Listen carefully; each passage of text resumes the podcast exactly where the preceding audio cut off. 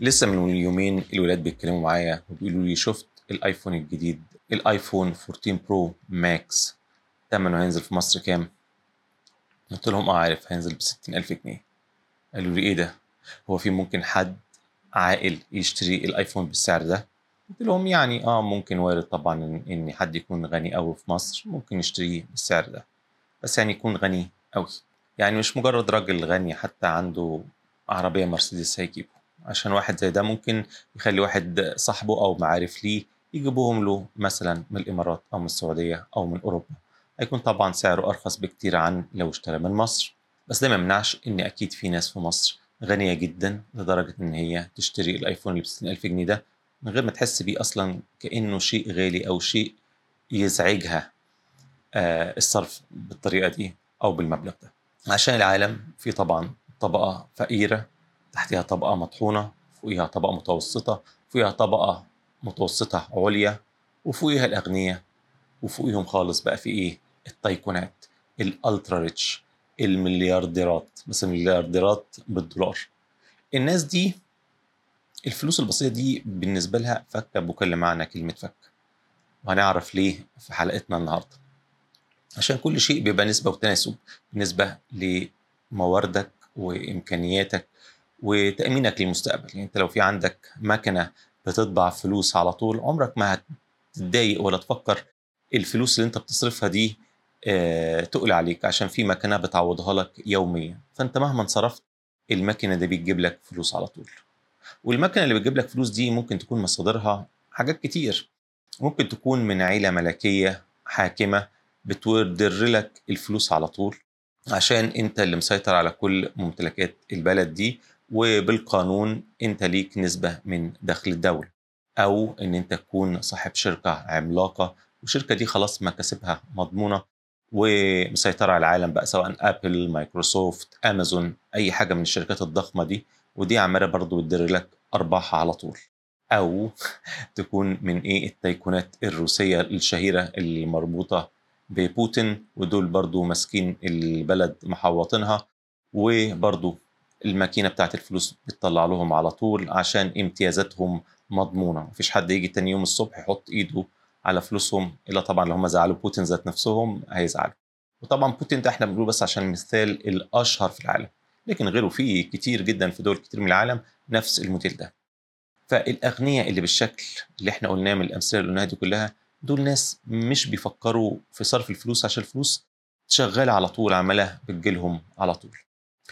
والناس دي يعني عاوز أقول لك بيبقى في أحيانا عندهم مشكلة في إزاي يصرفوا الفلوس عشان الفلوس بتتكتل وبتبقى عندهم كتير جدا وبمرور الوقت التضخم بيقلل من قيمتها يقول لك لأ أنا اسيب فلوسي كده لأ لازم يكون في عندي اسيتس لازم يكون عندي ممتلكات تحافظ على قيمتها حتى لو العملة ضعفت أو تأكلت أو أو أو أو. زائد الفلوس اللي قاعدة دي إيه الفايدة منها؟ لازم نعمل حاجات نستفيد بيها نستمتع بيها يا سيدي. طبعا أخبار الحاجات دي بتبقى مالية الجرايد وبتبقى أحيانا مدهشة وغريبة بدرجة إن الناس ممكن تعتبرها مجرد أخبار صفرة طبعا أخبار الصفرة في الجرايد الصفرة والأخبار المشبوهة مالية طبعا الميديا وكتير منها بيكون كده لكن كتير منها برضه بيكون حقيقي وبنسمعه مثلا آه بنتأكد إن هو حقيقي مثلا لما يكون مثلا في محاكمة معينة لشخص من الأشخاص دي أو آه تحقيق آه في استحواذ على ممتلكاتهم. وده طبعا بدأنا نعرفه نعرف عنه بقوة بعد الغزو الروسي لأوكرانيا لما بدأت الدول الغربية تحط إيدها على ممتلكات المليارديرات والتيكونات الروسية الكبار المرتبطين طبعا ببوتين. يعني لو في أي شبهات إن الشخص ده ليه علاقة ببوتين من دائرته المقربة بدأت إيه؟ آه الدول الأوروبية والولايات المتحدة الأمريكية يحطوا إيديهم على ممتلكاتهم ولعل بقى أهم ممتلكات ليهم وبدأوا يحطوا إيديهم عليها هي إيه؟ اليخوت العملاقه طبعا غير اليخوت كان في حاجات تانية كتير ولعل أشهر ملياردير مرتبط ببوتين واللي على طول بدأ إيه؟ يسيل ي liquefy ممتلكاته كان إبراموفيتش بتاع تشيلسي. يعني إحنا عارفه في عالمنا العربي عشان تشيلسي عشان الناس اللي بتتفرج على الكورة وبتتابع الإيه؟ ال English Premier League إنما الراجل ده من ال tycoon ات الضخمة جدا واللي هيجي سيرته في قصتنا دي كذا مرة. فالدول الأوروبية بدأت تحط إيديها على ممتلكاتهم وهم اللي قدر يهرب حاجته بسرعة أو يبيعها بسرعة زي هو إبراهيموفيتش لما باع تشيلسي واللي غيرهم اللي بدأوا إيه يبيعوا بسرعة ممتلكاتهم من أراضي وعقارات بالذات في لندن أو اللي بيسموها من كتر توغل المليارديرات الاوليجاركس الروسيين جوه لندن ساعات بيسموها لندن جراد. من كتر ما الروس اللي ليهم علاقة ببوتين أو الفاسدين أو تجار السلاح أو المخدرات أو الدعارة أو غيره من كتر ما هم عشان يحافظوا على ثرواتهم شاريين ممتلكات في لندن بيطلق عليها أحيانا زي ما بقول كده إيه لندن جراد ولكنها يعني إيه مدينة من مدن روسيا. وعلى شوية من أهم الممتلكات اللي كان دايما أخبارها بتجيلنا خصوصا في بدايات الحرب ولسه لغاية دلوقتي كمان هي اليخوت الفاخرة أو ما يطلق عليها بره السوبر أو ال mega yachts دي بتبقى يعني يخوت عملاقة. مش اليخوت العادية اللي ممكن نشوفها في المارينات زي عندنا في الساحل الشمالي بتوع الأغنياء بتوعنا أو المليارديرات المصريين. لا لا لا لا مش المستويات التعبانة دي. دي يخوت تكسف. دي يخوت الدول ما تهتمش بيها. لا إحنا بنتكلم على يخوت ضخمة عملاقة. حجمها بيبدأ من فوق ال 30 متر اللي هي ال 100 قدم وصولا ل 500 قدم أو فوق ال 100 متر. ودي بقى بتبقى يعني يخوت مش مجرد ضخمة بل وفاخرة جدا. واللي بدأ ترند شراء اليخوت دي بانها يكون حجمها أكبر كان طبعا أشهرهم مين؟ هم المليارديرات الروس في نهاية التسعينات. عشان هم طبعا بعد انهيار الاتحاد السوفيتي وانتشار الفساد بقوة وبدأوا يسيطروا على يعني مفاصل الاقتصاد الروسي سواء بقى في النفط أو في وسائل النقل أو الاقتصاد ككل بدأ يبقى عندهم مليارات ضخمة جدا. وبين لما شافوا إن إيه بدأت الدولة هتحاول تفوق أو تسيطر على ممتلكاتهم بدأوا إيه يخرجوها بره عشان ما حدش يقدر يسيطر عليها وبدأوا يكدسوها في ممتلكات مهمة غالية ليها قيمة. وكان من أكبر الترندات وأهمها بقى ساعتها كان شراء اليخوت. وشراء اليخوت دي كلمة طبعا سهلة كده وكان هي في سوبر ماركت بتروح تشتريه. لا اليخوت العملاقة الضخمة دي محدش بيروح يشتريها كده. لا ده أنت بتروح ل broker زي سمسار أو وسيط بياخدك كده من إيدك ويقول لك انت عاوز إيه يا باشا؟ تقول أنا عاوز يخت كذا شكله كذا امكانياته كذا. يقول لك انت هتروح بيه فين؟ هتقعد بيه بس في المتوسط كده هنا ولا هتلف بيه؟ انت راجل بقى مغامر تطلع بيه على القطب الشمالي تطلع بيه القطب الجنوبي تطلع بيه على الكاريبي. هتعمل بيه إيه؟ هتروح بيه فين؟ فيبدأ يفصل معاك حتة حتة وفي الآخر ياخد منك كده عمولة بسيطة. 3% من سعر اليخت. 3% من سعر يخت. سعره بيبدأ اللي هي اليخوت الحقيرة بقى قوي يعني من 40 مليون دولار. إنما معظم اليخوت المحترمة محترمة قصدي الفاخرة جدا. يعني بتبقى من حوالي 300 مليون دولار. 300 مليون دولار. ده طبعا سعر البداية. وهنبدأ إيه نفصصهم واحدة واحدة إزاي؟ واللي بدأ الترند بقى بتاع ال super yachts دي برضه بطل الايه القصة المتكررة. هو مش بطل قصتنا ولا حاجة لكن اسمه بيتكرر. هو طبعا ابراموفيتش بتاع تشيلسي. هو من بدايات الناس اللي بدأوا يشتروا إيه اليخوت العملاقه زي ما قلت ما بيشتروهاش هما بيروحوا للوسيط والوسيط ده بياخدوا من إيديهم. يروحوا بقى إيه لمواني السفن الضخمة اللي بتصنع إيه السفن الترسانات اللي بتصنع السفن إيه التجارية والسفن الفاخرة. يروحوا هناك بيبقوا عامة يا إما في ألمانيا يا إما في هولندا هم دول أشهر المناطق اللي بيعملوها طبعا حاجة يعني صناعة فاخرة جدا وفي نفس الوقت تبقى قريبة مش راح يجيبها من من شرق آسيا. طبعا شرق آسيا في برضه يعني أماكن ضخمة جدا بتعمل يخوت وسفن على طراز عالي جدا. بس هيروح يسافر اليابان وياخدها من اليابان يلف بيها العالم كله عشان يوصل لأوروبا. هم طبعا بيقضوش وقتهم في اليابان وآسيا بيقضوه وسط البيض الشقر اللي شبههم فين؟ في أوروبا. فطبعا نصنع اليخت بتاعنا حتى لو أغلى شوية سواء في هولندا أو في ألمانيا. وياخد له تقريبا 3 4 سنين. وفي بداية الترند ده طبعا كانوا المليارديرات دول كانوا محدثين. يعني تخيل ملياردير ومحدث. فكان لازم كل ملياردير روسي لما يعمل يخت يعمل يخت أكبر من صاحبه. أنت عملته كام؟ إيه ده؟ 30 متر؟ هعمله 40 50 60 100 متر. والمنافسة دي مش بس كانت ما بين التيكونات أو الاوليجاركات الروسيين بل ودخل فيها الأوروبيين برضه. عشان الناس دول كلهم بيقابلوا بعض سواء بقى في السهرات في قصورهم فكل واحد بيتباهى بحاجته. دخل في الصراع ده كمان ال tycoon ات الأوروبيين بل والأمريكان وفي tycoon أمريكي يعني مهم جدا. يعني أما كبر كده بدأ يتصابى شوية كده أو يعني إيه يعوض السنين اللي فاتت من الشقا. يعني راجل من أكتر ال hard workers ومن أكتر عباقرة آه، الرأسماليين في الغرب في عصرنا الحالي. لكن بقى لما كبر قال إيه لأ أما أتمتع بفلوسي. اللي اتمتع بفلوسه فعلا فعلا سواء ذهنيا أو اجتماعيا أو يعني من ناحية الفشخرة والبزوطة وهيجي هنتكلم عنه بعدين. آه تيكون ملياردير أمريكي مهم جدا. المهم بدأت المنافسة دي أواخر التسعينات بابراهاموفيتش والروس لقوها هواية حلوة جدا ومهمة جدا. لكذا سبب. أول سبب المنافسة والارتقاء الاجتماعي الإعلام يهتم بيا يتكلم عني فالمشاهير آه، تبص لي. أما أجي أروح في حفلة الاقي الفنانات والممثلات وبتوع الكورة يقول لك إيه ده؟ هو ده الراجل الملياردير اللي عنده أكبر يخت في أوروبا أو أكبر يخت راسي مش عارف آه، في هولندا أو أو أو أو. فده بيديهم إيه؟ ترقي اجتماعي. إحنا عارفين طبعا الناس دي قلنا بالذات اللي هو التيكونات أو الاوليجارجات الروس جابوا فلوسهم غالبا من فساد في روسيا. فهم يعني عاوزين كمان بقى يحسوا بقى بثروتهم مش يقدروا يتنططوا بيها في روسيا عشان الاتهامات هتجيلهم. لا نت إيه نتنطط بيها في أوروبا. فبدأت إيه تكبر اليخوت. زي ما بقول كده اليخت المعتبر عشان تبقى تترقى اجتماعيا وتقعد وسط الصفوة لازم يكون اليخت بتاعك كده مش أقل من 300 مليون دولار. ونص الفلوس دي هتدفع في الأول في تشييد اليخت بتاعك عشان اليخت بتاعك ده يعملوه لك حاجة كده معتبرة هتصرف لك فيه لو اليخت 300 مليون دولار حوالي 150 مليون دولار في بناء اليخت. حد يقول يا 150 مليون دولار ده رقم ضخم. آه رقم ضخم عشان انت بتبني حاجة فاخرة. يعني كفاية أقول لك مش أقول لك بقى مصاريف الحاجات لا المحركات ولا عشان إحنا بيعملوا خد ضخمة يعني سفن من الآخر يعني. آه كفاية أقول لك إن أحيانا في بعض الأحيان دهان اليخت لوحده بيكلف 18 مليون دولار. الدهان اللي من بره طب الديكور الداخلي ده غير بقى صناعته. صناعته قلنا إيه؟ هتكلف 150 مليون دولار. الديكور الداخلي والله أنت وفلوسك.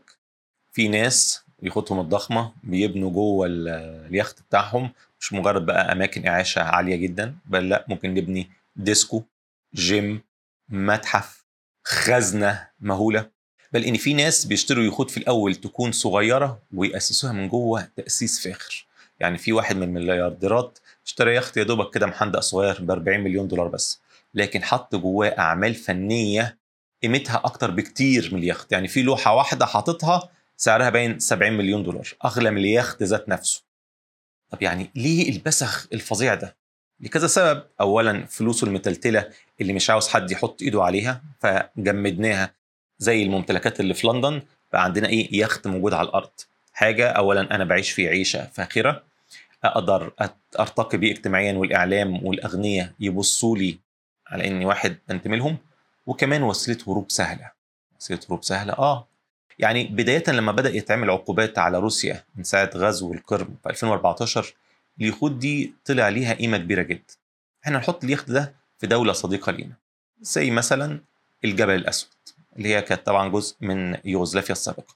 ليها مواني هناك ويبقى نحط اليخت يقعد هناك إحنا نروح بالطيران من روسيا نروح هناك نقضي لنا كام يوم هناك حلوين في مونتينيجرو الجبل الأسود وبين ناخد اليخت ونتسلل نمشي كده إيه جنب ساحل أوروبا ونروح نيس فرنسا نروح كان ونقعد نقضي لنا برضه كام يوم هناك. بما إن طبعا اليخت بيمشي جنب السواحل غفر السواحل الأوروبي بأن إحنا بقى جوه أوروبا ما بيضايقكش. يخت فاخر راجل غني نسيبه. مش هنفكر الراجل ده بقى روسي مش روسي. ما طبيعي اليخوت دي الروس ال tycoon ات دول ما بيشتروهاش باسمهم. طبعا عن طريق shell companies يعني تبع اسم حد تبع حد وهو في الآخر يعني سلسال الملكية بيوصل للروسي ده. بس الوش الأولاني هيكون تبع اسم شركة تبع آه، مؤسسة أو كيان موجود في جزيره من جزر الكاريبي بقى. British Virgin Islands أو ايا كان الجزيرة اللي هناك. فالأغنياء دول المليارديرات الروس بيعيشوا حياتهم اولا بعيد عن عن روسيا عشان العيشة هناك برضه مش مش راقية زي ما هم عاوزين. يعيشوا راقية جوه اليخوت بتاعتهم الفاخرة وبيلفوا بقى أوروبا ماشيين جنب السواحل. نقضي لنا يومين آه، في مونتينيجرو يومين في نيس يومين في أسبانيا يومين في ال Canary Islands. فعايشين عيشة لطيفة جدا. فشايفين إن هي تستاهل. نقدر نحط فلوسنا نجمدها في حاجة ليها قيمة وفي نفس الوقت نستمتع بيها وتساعدنا إن إحنا نبعد بعيد عن العقوبات الأوروبية.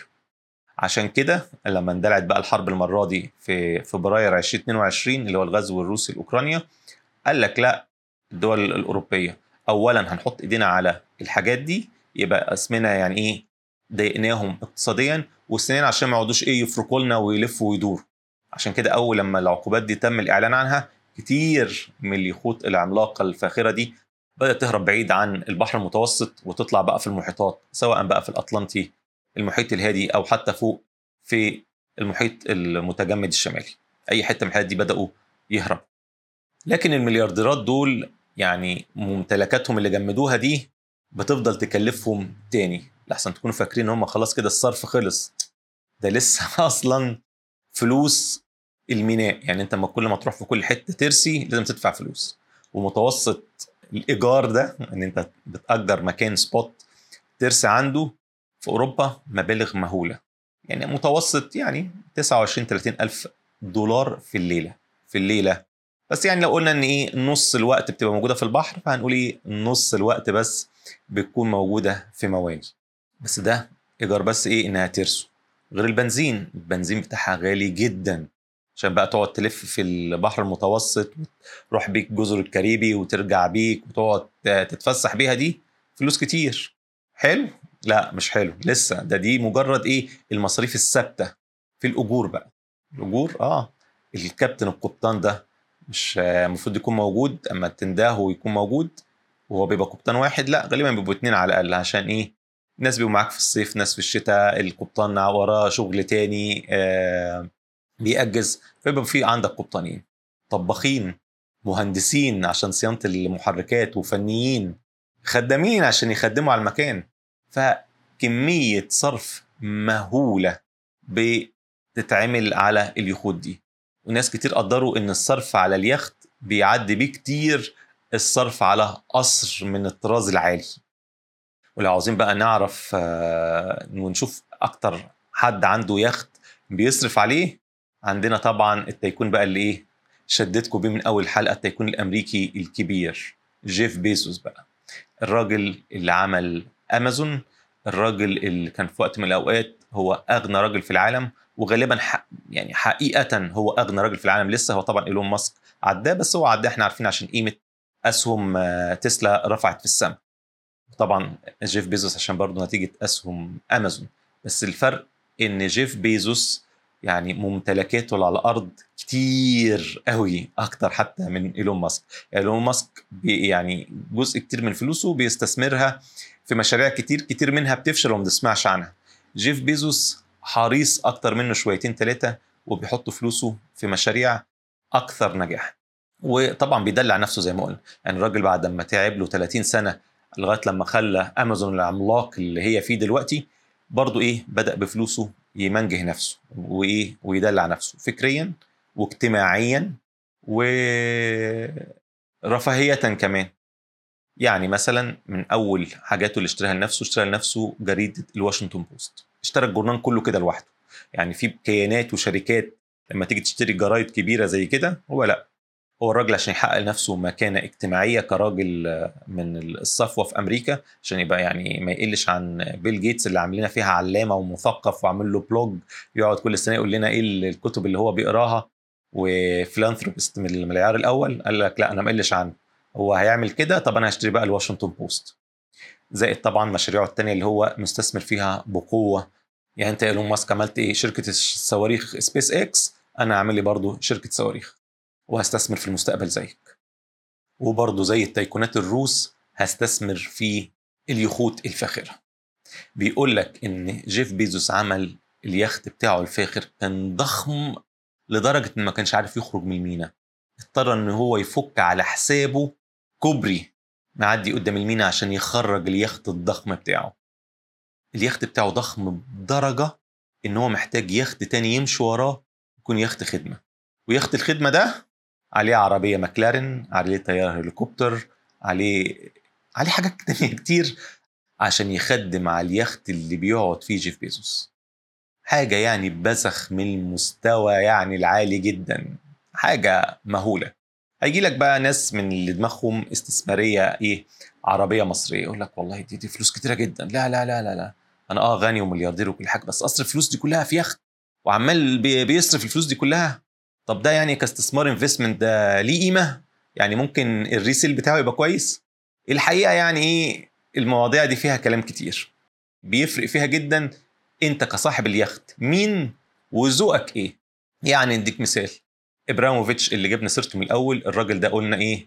كان هو اللي بدأ الترند اليخوت ده. الراجل ده امتلك تسع يخوت. عرف يبيع منهم ثلاثة طبعا اليخوت دي عشان تتباع مش حاجة سهلة. يعني لازم تلاقي ملياردير يكون ذوقه زي ذوقك. ويكون مزنوق. يكون مزنوق يعني إيه مزنوق؟ يعني هو عاوز ياخد دلوقتي يعني هو الراجل بقى غني مثلا في آخر سنتين وعاوز بقى ينضم للحظوة والصفوة العالمية من التايكونات دي فعاوز له يخت معتبر. فلما يروح للبروكر ال- الوسيط ده يقول له عاوزين يخت يقول له يعني قدامك آه، في wait waiting list وهم عقبال لما يبنوه لك يعني يبقى اليخت بتاعك موجود معانا بعد أربع خمس سنين. يقول إيه؟ أنا هقعد السنين ده كله؟ فينزل السوق يشوف مين المليارديرات وال tycoon ات اللي معاهم أكتر من يخت ويروح يشوف لو في يخت كده مش عاوزه آه، يفاوضوا فيه ويشتري منه.